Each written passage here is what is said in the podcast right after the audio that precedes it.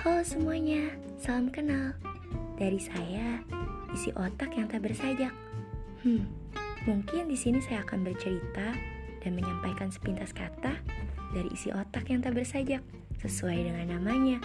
Bisa saja perihal aku kamu yang pernah menjadi kita, persahabatan, dan lain sebagainya.